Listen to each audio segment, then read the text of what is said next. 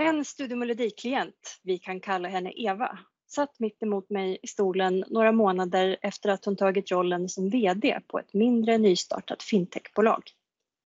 Ju längre hon jobbade i organisationen, ju mer blev det tydligt för Eva de dysfunktionella mönster och värderingar som också härskade på arbetsplatsen.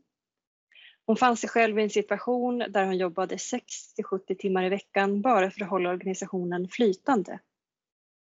Nu satt Eva mitt emot mig nästan ett år efter anställningen och tittade tillbaka och firade allt hon och organisationen åstadkommit.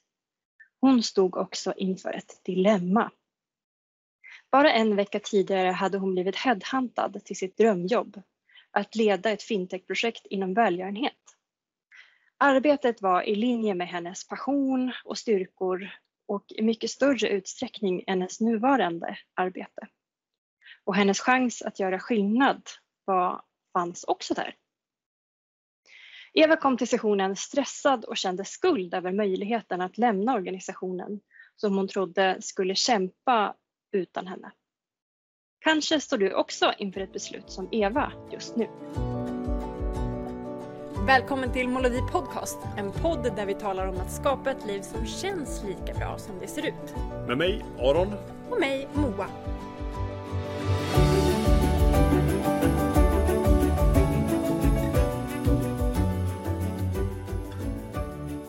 Ja, vad hände sen? Aron, vad tror du hände sen? Ja, men jag tänker så här, du kanske är, vet inte om du är det, men kanske du som lyssnar, kanske är en liknande situation som Eva just nu. Just det här att man har olika möjligheter och att man står där och stampar fram och tillbaka. Ska jag göra det ena eller ska jag göra det andra?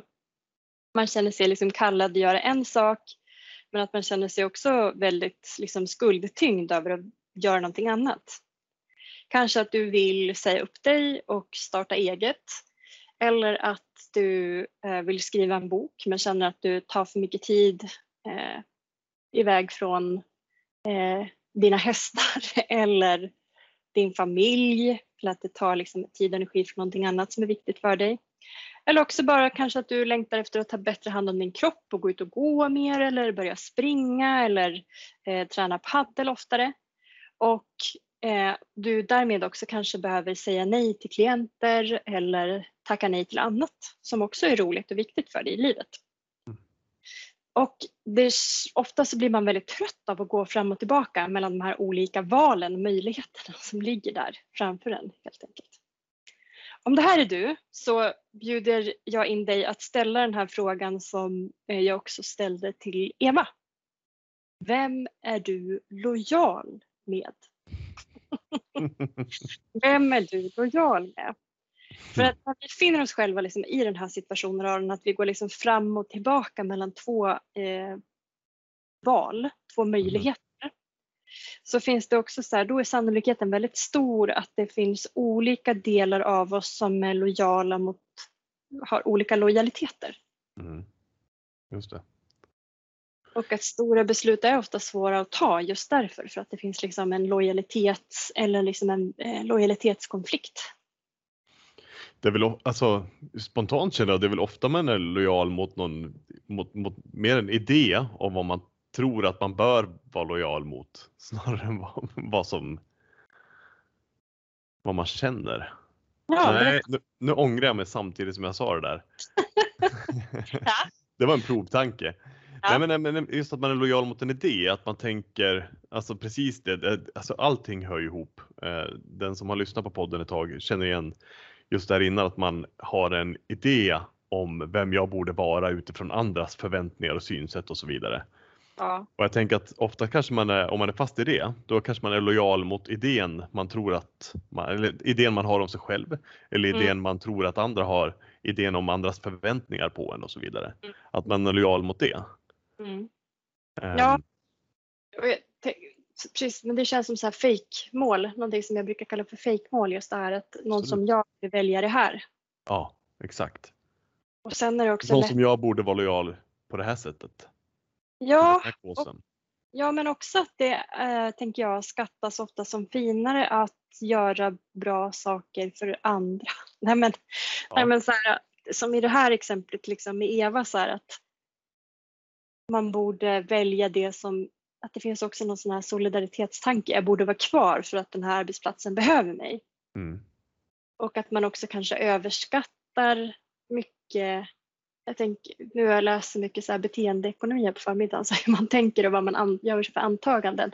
Mm. Men jag tänker just att man antar, man överskattar sin egen viktighet. Mm. Det finns en bloggpost om på målidé.se kan man gå in och läsa om. Men bra, det ska jag Mm. göra. Det låter jätteintressant.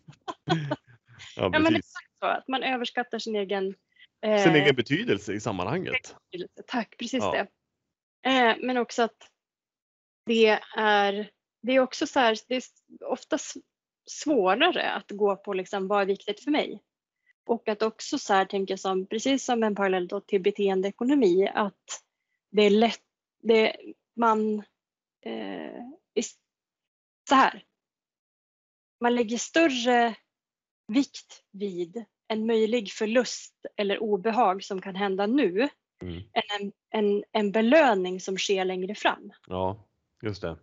Så att man är inte så jäkla rat, rent rationellt eh, så skulle man göra det om man kunde stapla upp det framför sig. Men rent emotionellt så är det mycket lättare för oss att undvika smärta nu Mm. än att bygga för lång tids... Hållbar lycka sen. Ja, men precis. Men jag tänker i det här exemplet med Eva så har hon ju möjlighet att bygga en karriär inom ett område som ligger nära det hon gör idag. Mm. Men som eh, på sikt också kan ge henne mycket större tillfredsställelse eftersom det Mm. ligger i ett område som är i linje med hennes liksom, passion och drivkraft, också styrkor som hon är duktig på. Mm. Eh, och bygga upp en expertis där. Men eh, en del av mig tänker också att det handlar om någon typ av ehm, ja, men li, lite så här ego boost grej som man inte vill släppa. För att det är ofta så där, det, det syns ju mer för andra om jag presterar och gör saker som syns och att, att känna att nej men, företaget klarar sig inte utan mig. Det är Mm. ju både en börda men det är också lite skönt. För att jäklar vad jag är viktig. Och som du säger, man överskattar sin egen betydelse för ett företag eller för en situation eller en, ett sammanhang. Och att det är därför också svårt att släppa. För vem är jag om jag inte är viktig? Om jag nu Ja, släpper det här till någonting som, som kanske ligger mig, som jag vet att jag kanske kommer må bättre av. Mm. Jag kanske Mm. inte får lika mycket ehm, publicitet, om man kan använda det ordet, även om det är internt. Då, men, Men, jag tänker så här bekräftelse. Alltså ja, bekräftelse, bra. Liksom, det handlar mycket om det. Att så här, nej men då, vem är jag då om jag inte får den bekräftelsen och berömmet? Och du kan ju säkert få en ny roll också oavsett om du väljer att gå vidare som Men det anställd. vet man inte, där har vi förlusten. Ja, precis, Precis. exakt. Det finns ingen Det är inte garanti. säkert, nej exakt. Nej, Det är inte det här, okej om jag slutar det här, då kommer jag få samma där men också må bättre. Ja, Kan jag få de förutsättningarna innan jag släpper taget? ja, så är det ju. Det vill ju alla och även jag. Jag vill Ja. ha en eh, garant Ja. För att det kommer inte bara gå bra utan gärna bli framgångsrikt. Vem vänder man sig till då för att få den garantin? Precis, kan man få, kan man få, det, kan man få det skriftligt? Ja, precis. Bra innan jag hoppar. Garantinstitutet, ska vi starta det? Bara skicka massa intyg till folk så att det känns bra när de ska ta stora steg. Ja, det är perfekt. Eh, skriv till moa.molodi.se. Då kommer du få ett mejl tillbaka från mig. Skriv så här, gar, eh, garant. Garanti önskas och så skriver Garanti man vad man vill. Då kommer du få tillbaka ett mejl med ett ja, det kommer gå bra. Man får ett litet diplom får man. Precis, ja. Med ett litet finstilt där nere också att vi inte kan hållas ansvariga för eventuella misslyckanden.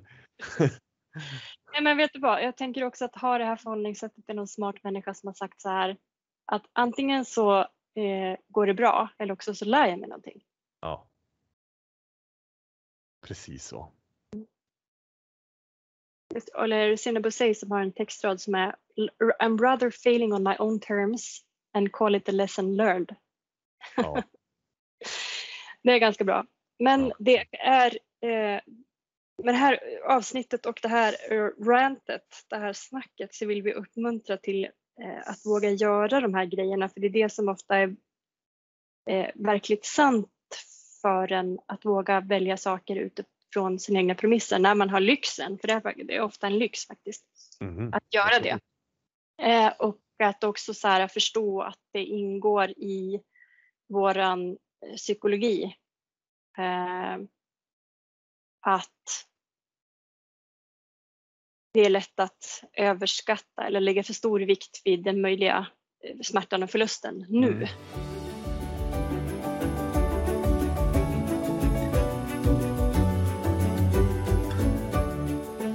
Ja men precis. Men, men du, du, får, eh, du får peta in mig på rätt riktning om jag, om jag går utanför här. Men jag, jag, jag kommer att tänka på ja, men det har vi pratat om tidigare om man tittar i säsong 1 när vi pratar om värderingar och, och intentioner och sånt där.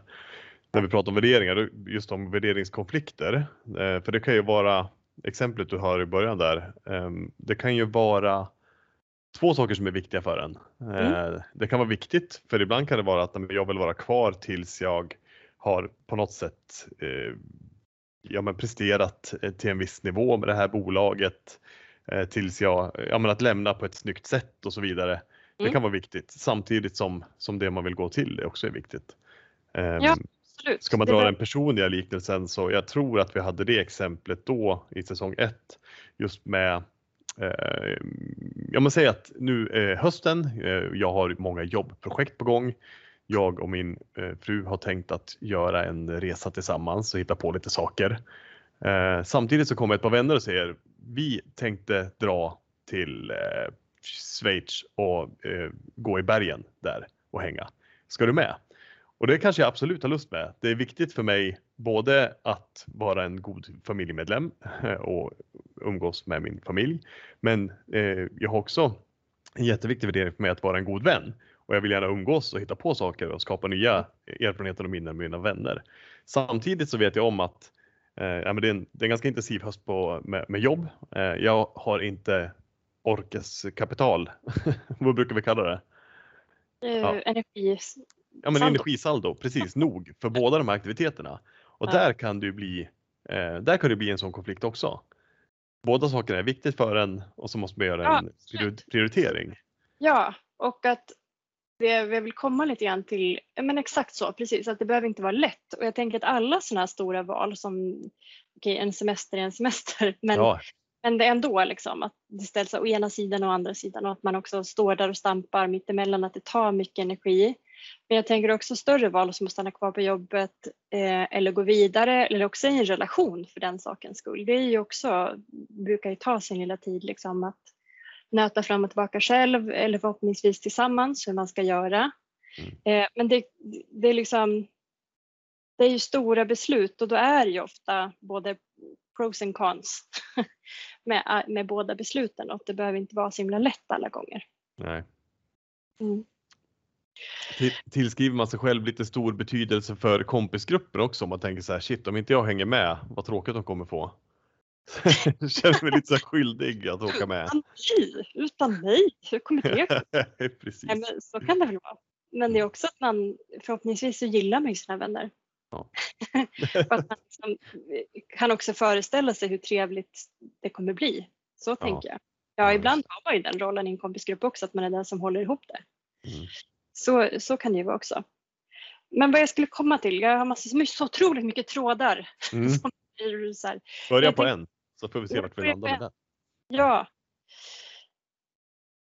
Precis, och så här stora beslut är ju ofta svåra att ta för att det tvingar en liksom att välja någonting över någonting annat. Att liksom välja någonting eller något över någonting annat och att man kanske har en lojalitet mot båda. Mm. sätt. Mm. Hur börjar man nysta i det då? Du sa i början, vem är du lojal mot? Ja, men bara det att, att försöka liksom, eh, att ta reda på den frågan. Att vilka eller är jag lojal mot? Handlar det om lojalitet mot företaget, att jag vill att de ska lyckas eller lojalitet mot en viss chef eller medarbetare som man vet kommer att få det svårt utan en? Mm. Eh, vad handlar det om? Mm. Och det andra liksom, eh, som i Evas fall så är att, och jag har hon är, precis, det är, inte, det är inte personen i filmen som har skrivit brevet. Där, där, för våra yngre lyssnare så kan vi säga att det där var en referens till ett ungdomsprogram som heter Bullen som sändes på 90-talet. Så kan ni googla om ni inte fattade den referensen. alla över 30 eh, kommer ju ta den kanske. Ja. Och jag heter inte Eva och det var okej att uh, prata om det på det här sättet. Jag har kollat mm. det. Så alla ni andra som pratar med mig kommer inte bara shit, hon kommer outa mig i nästa podcast. Nej, precis. det börjar bli ja. riktigt o, outvecklande, oproduktiva möten framöver. Kan du berätta mer? Är du klar med samtalet? Exakt. Precis. Men att det är väldigt, att, det, är så här, det är ju nyanserat. Men just att det handlar om att bara så reda ut då. Eh, handlar det om så lojalitet mot en viss medarbetare eller en chef eller organisationens sak överhuvudtaget? Vad känner jag mig mest lojal mot? Vad är det mm. för lojalitet som jag sviker om jag går mm. från arbetsplatsen? Och sen också till att välja inte hoppa på det här som känns som ett drömjobb när man har blivit headhuntad. Vad är det jag sviker då? Mm. Vad är det för lojalitet jag avviker från då? Är det att jag känner att jag sviker mig själv. Jag har den här möjligheten och chansen med någonting som jag tycker är viktigt. Mm. Eller eh, överger jag chansen över att göra mycket större skillnad för andra människor. Att mm. det är viktigt för mig och att jag känner att jag eh, sviker den idealet mm. som jag har. Bara börja se på vad det handlar om egentligen. Så jag tänker så här, klä av det. Att bara titta på vad man har för olika lojaliteter. Mm.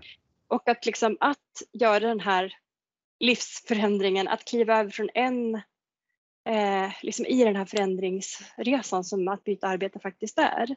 Mm. Att, så, så, att man ska liksom kunna gå igenom den här porten in till nästa kapitel av sitt liv krävs ju att man medvetet säger ja till någonting mm. och att man säger nej till någonting annat mm.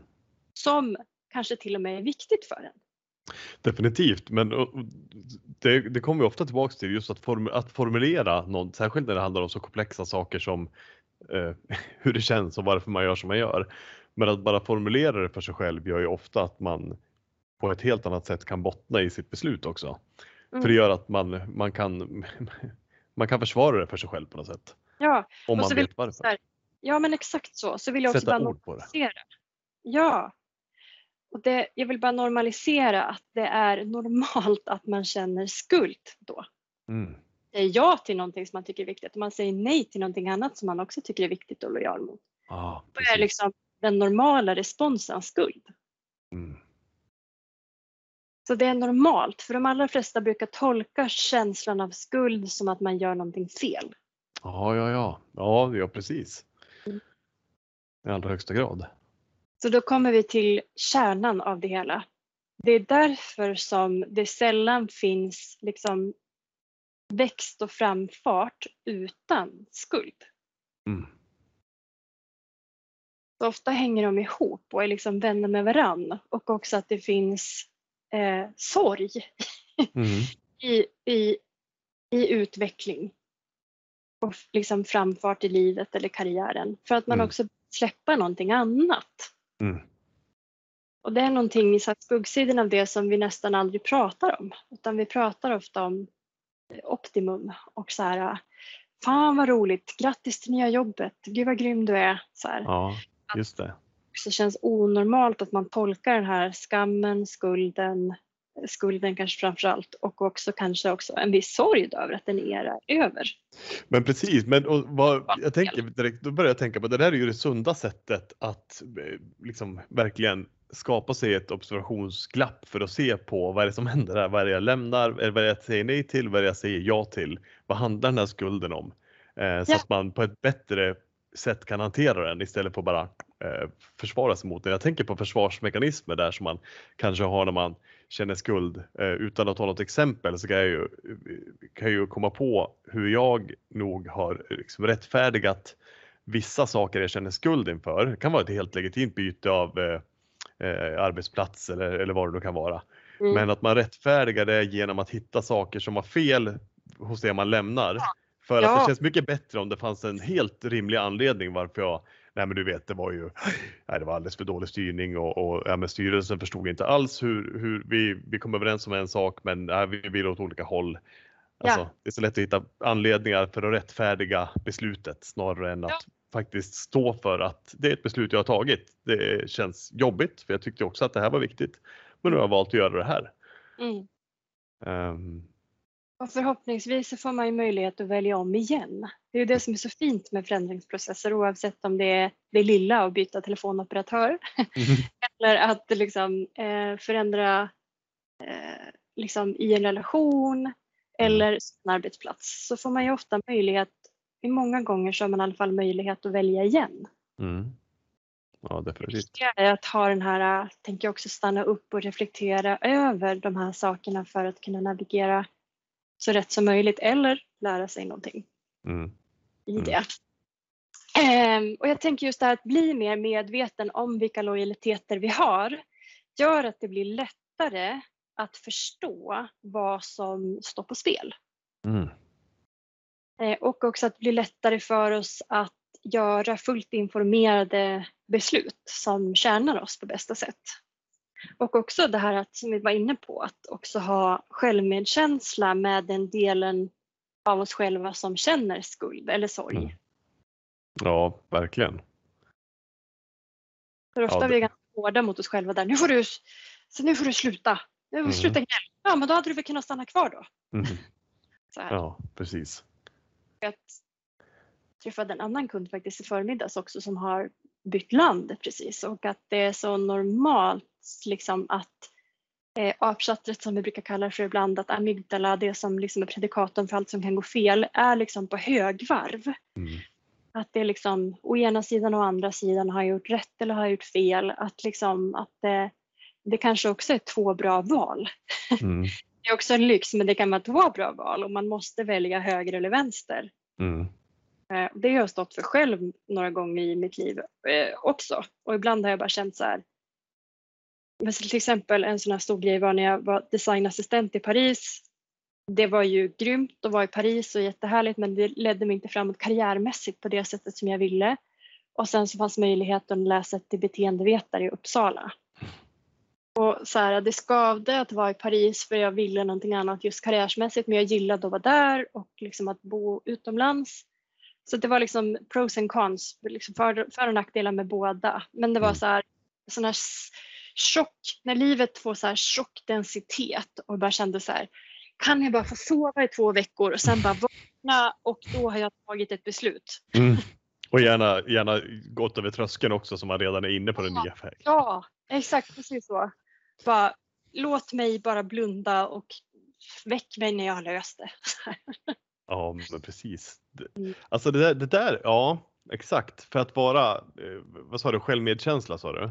Ja, Att ha den, det kräver ju jättemycket. För det, det är lite grann också som att, ehm, ja, men att göra ett snyggt avslut. Och i det här Ja. fallet för sin egen skull. Alltså jag brukar ha sagt i, i många år liksom till, till personal och till vänner och till mig själv när man har kanske bytt jobb till exempel. Att hur viktigt det är att avsluta på ett, på ett, på ett professionellt sätt. Och, och det gäller ju, eh, ja men för det kan vara lätt, särskilt om, om någon kanske har två eller tre månader innan de ska byta jobb, så kan det vara svårt att motivera sig att verkligen vara närvarande, att leverera och, och, och ha sitt engagemang i det till helt och hållet. Man vill gärna gå vidare när man redan har tagit beslutet för att det är lite Mm. jobbigt. Och det där blir ju i allra högsta grad jätteviktigt när det handlar om sig själv. Att göra ett, ett snyggt avslut för sig själv. För som Mm. du säger, helst att man vill, kan jag få lägga mig ner och sova två veckor och vakna upp och så är hela den här transitionen över. Så ja. att det är liksom i, den, i det stadiet när vi går från liksom puppa till fjäril som man gör tusentals gånger under ett liv. Det är ju en, en jobbig process ibland. Ja, och det tänker att det att också bara förstå att det kan vara en lite smärtsam och jobbig process. Mm. Eh, att det blir som jag beskrev det så här så hög densitet i livet att man bara känner så här. "Ugh!" Jag tänker att det är därför jag älskar den här metaforen med eh, fågel Fenix som är en Mm. så urgammal metafor för att vi människor går igenom metamorfoser. Mm. Det kanske inte syns på utsidan så mycket men det liksom kan hända otroligt mycket på insidan. Ja. Eh, Allt- hela tiden. Mm. Allting börjar med ett slut och allting slutar med en början. Oh, djupt. Eller hur? vet, vet, ja, precis. Var kommer det ifrån? Det där kommer, nej, jag hörde faktiskt häromdagen. Det var när jag satt och lyssnade på musik i bilen och då kom, eh, är det Daft Punk som gjort den där I'm up all night to get lucky, den Ja. låten. Ja, ja. I början så första textraden jag aldrig tänkt på förut är Like the legend of the phoenix, all ends with beginnings, tror jag det är. och då tänkte jag så här, ja, Ja. fan, bra. Och sen kom den lite mer populärkulturella och lite lättare. Precis. Ja, exakt. Ja, Nej, mycket djupt. Så så djupt var det. Populärkulturellt eh, djupt. Härligt. Eh, Den bästa djupheten. Ja? Nej, men det vi pratar om, alltså det, allting det här handlar ju liksom om, eh, allting är förändring och det är ju, förändring är, för det första så är ju hjärnan, det, det ska man ha med sig för att avdramatisera det hela, att vi är ju liksom byggda för att all, vi känner att all förändring är ett typ av hot. För det är, Ja. det är ett hot mot allting vi vet, det är tryggare att veta vad vi har, oavsett om det är bra eller dåligt så vet man i alla fall. Ehm, så det är inte, det är inte, det är inte fel när det känns "Ugh", för att det, Eller så här, det är inte per automatik fel. nej, Det kan vara det. Men det är ofta det jag pratar om så här med inre kompass och försöka förstå sina egna känslor. Bara stanna upp, känna och att inte med en gång börja tänka sina känslor, för det gör de allra flesta. Hur känns det just nu? Mm. Ja, det känns eh, lite stormigt. mm. Fast då tänker jag så här om den här stormigheten, den måste vi reda ut. ja, precis. Ja, det är ofta så det händer. Det liksom händer ju mig också, att man börjar tänka vad man känner. Utan bara att det är okej att känna vad man känner, men man måste inte alltid agera på det. Och man kan också bara observera, "Ah, nu känns det så här. Mm. För, eh, Ofta så är ju liksom känslor som ett hav, att det förändras hela tiden. Mm. Eh, ja, men också att tolka sina känslor rätt. Så det vi har pratat om nu är just det här att det måste inte vara fel beslut bara för att man känner skuld. Utan det kan Nej. vara att du har valt bort någonting som du också är lojal, lojal emot. Mm. Och som faktiskt är viktigt för dig. Bara, bara i den här stunden tog du beslutet att välja en annan lojalitet. Ja, men precis. Ja. Och jag tänker också bara komma tillbaka till Eva så tänker jag så här att hon tog det här nya jobbet. Och självklart så kände hon liksom skuld när hon sa upp sig och kände gud hur ska de klara det här utan mig och allt det där liksom blev aktivt i det. Men hon kände sig också väldigt lugn i det. Och hon, det var ungefär som att hon liksom så här, kunde liksom ta sig igenom den här eh, ovissheten. Så det gav henne liksom lugnet att inte stå mellan å ena sidan och andra sidan och ska Mm. jag göra eller ska jag inte göra något. Och vissa personer tar ju bara upp händerna för ögonen och bara jag orkar inte ta något beslut. Nej, precis. Så hon tog ett informerat beslut, visste att hon skulle känna skuld. Hon kände skuld men hon Mm. kände sig lugn och tog sig igenom den här ovissheten och tog ett beslut. Mm. Ja, Men verkligen värdet av att, av att, att ja, sätta ord på det. Ja. Och ta hjälp av någon utanför. För Det kan Mhm. vara ganska rörigt på insidan. Ja, och någonting annat.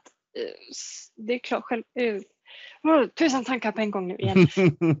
Prata gärna med någon, prata med en vän, en kollega, någon släkting. Bara så här kring eh, vad står det inför beslut just nu? Vad har du för olika lojaliteter i det valet? Eh, så det är ofta att man ser lätt, man hör ofta vad man säger när man säger det högt. Mm. Men också att man kan få li- bli lite speglad av någon annan. Någonting Ja. annat viktigt som du sa Aron, när man väl har tagit sitt beslut då är det lätt att börja projicera och rättfärdiga sina val. Mm. Att så här, svartmåla det som man har sagt nej till och skönmåla det man har sagt ja. Ja, precis. Eh, Och att så här, att måste man, inte, man måste inte alltid rättfärdiga sitt eget val. Är du lugn och trygg i vilket val du har gjort, du behöver inte spela det spelet. Nej, precis. Och även om någon bara, men gud varför gjorde du så? Då, Exakt. Du behöver inte försvara, förklara varför. Nej. Utan själv med dig själv varför du tog det beslutet du gjorde och du vet också att det inte var lätt. Men när man gjort ett sådant informerat val, då upplever, det är min upplevelse att, att ofta behöver man inte rättfärdiga det på samma sätt. När man faktiskt, när man har tittat på den här lojalitetsfunderingen som du precis har dragit. Alltså när man, när man har tagit valet utifrån det och vet vad man har sagt nej till, vet vad man har sagt ja till. Då har man inget behov av att skylla det på någon annan. Nej exakt för att det är, det är som att det blir mindre drama. Absolut. Ja, det blir lugnare liksom. Ja, och, och automatiskt blir det ju en högre grad av självmedkänsla i ett sånt läge också. Ja, precis. Mm. Det är någonting som man ständigt behöver träna på, att ha medkänsla med sig själv. Eh, Ja, det tåls att repetera. Det är, som du brukar säga, skulle du, skulle du sagt så här till en person du tycker väldigt mycket om, ja, om man nu Ja. börjar slå på sig själv och misshandla sig själv i huvudet och eh, skulle du sagt så här till någon du vill stötta? Så, ja, precis. Tänker sätt ord på det högt, hur det kan låta på insidan. Jag brukar Ja. säga att det skulle få allvarliga arbetsrätts... precis, ja. Om man hade varit liksom sin egen chef och pratat med sig själv på det sättet. Så här. Men då, Exakt. då är det egentligen inte rimligt. Vi, vi borde göra en tecknad serie där vi har de här små, eh, sin interna lilla HR-representant på ena axeln som, som liksom när man börjar. Mycket att göra. Ja, precis. Så när man börjar tänka sådär om sig själv, varför gjorde jag så här? Det var, ja, då kommer det här att knacka en på axeln och säger att det här kommer jag rapportera till. Ja, precis. Precis. Gud, den här arbetsplatsen skulle stängas ner eh, flera gånger per år om det var någon som hörde hur det låter på insidan här. Men det viktiga är väl bara att lägga märke till det. Så här. Är det rimligt? Bara, nej. Ja, nej, precis. Finns det något roligare vi kan göra? Ja, Förmodligen. ja precis. Ja, vad härligt. Yes!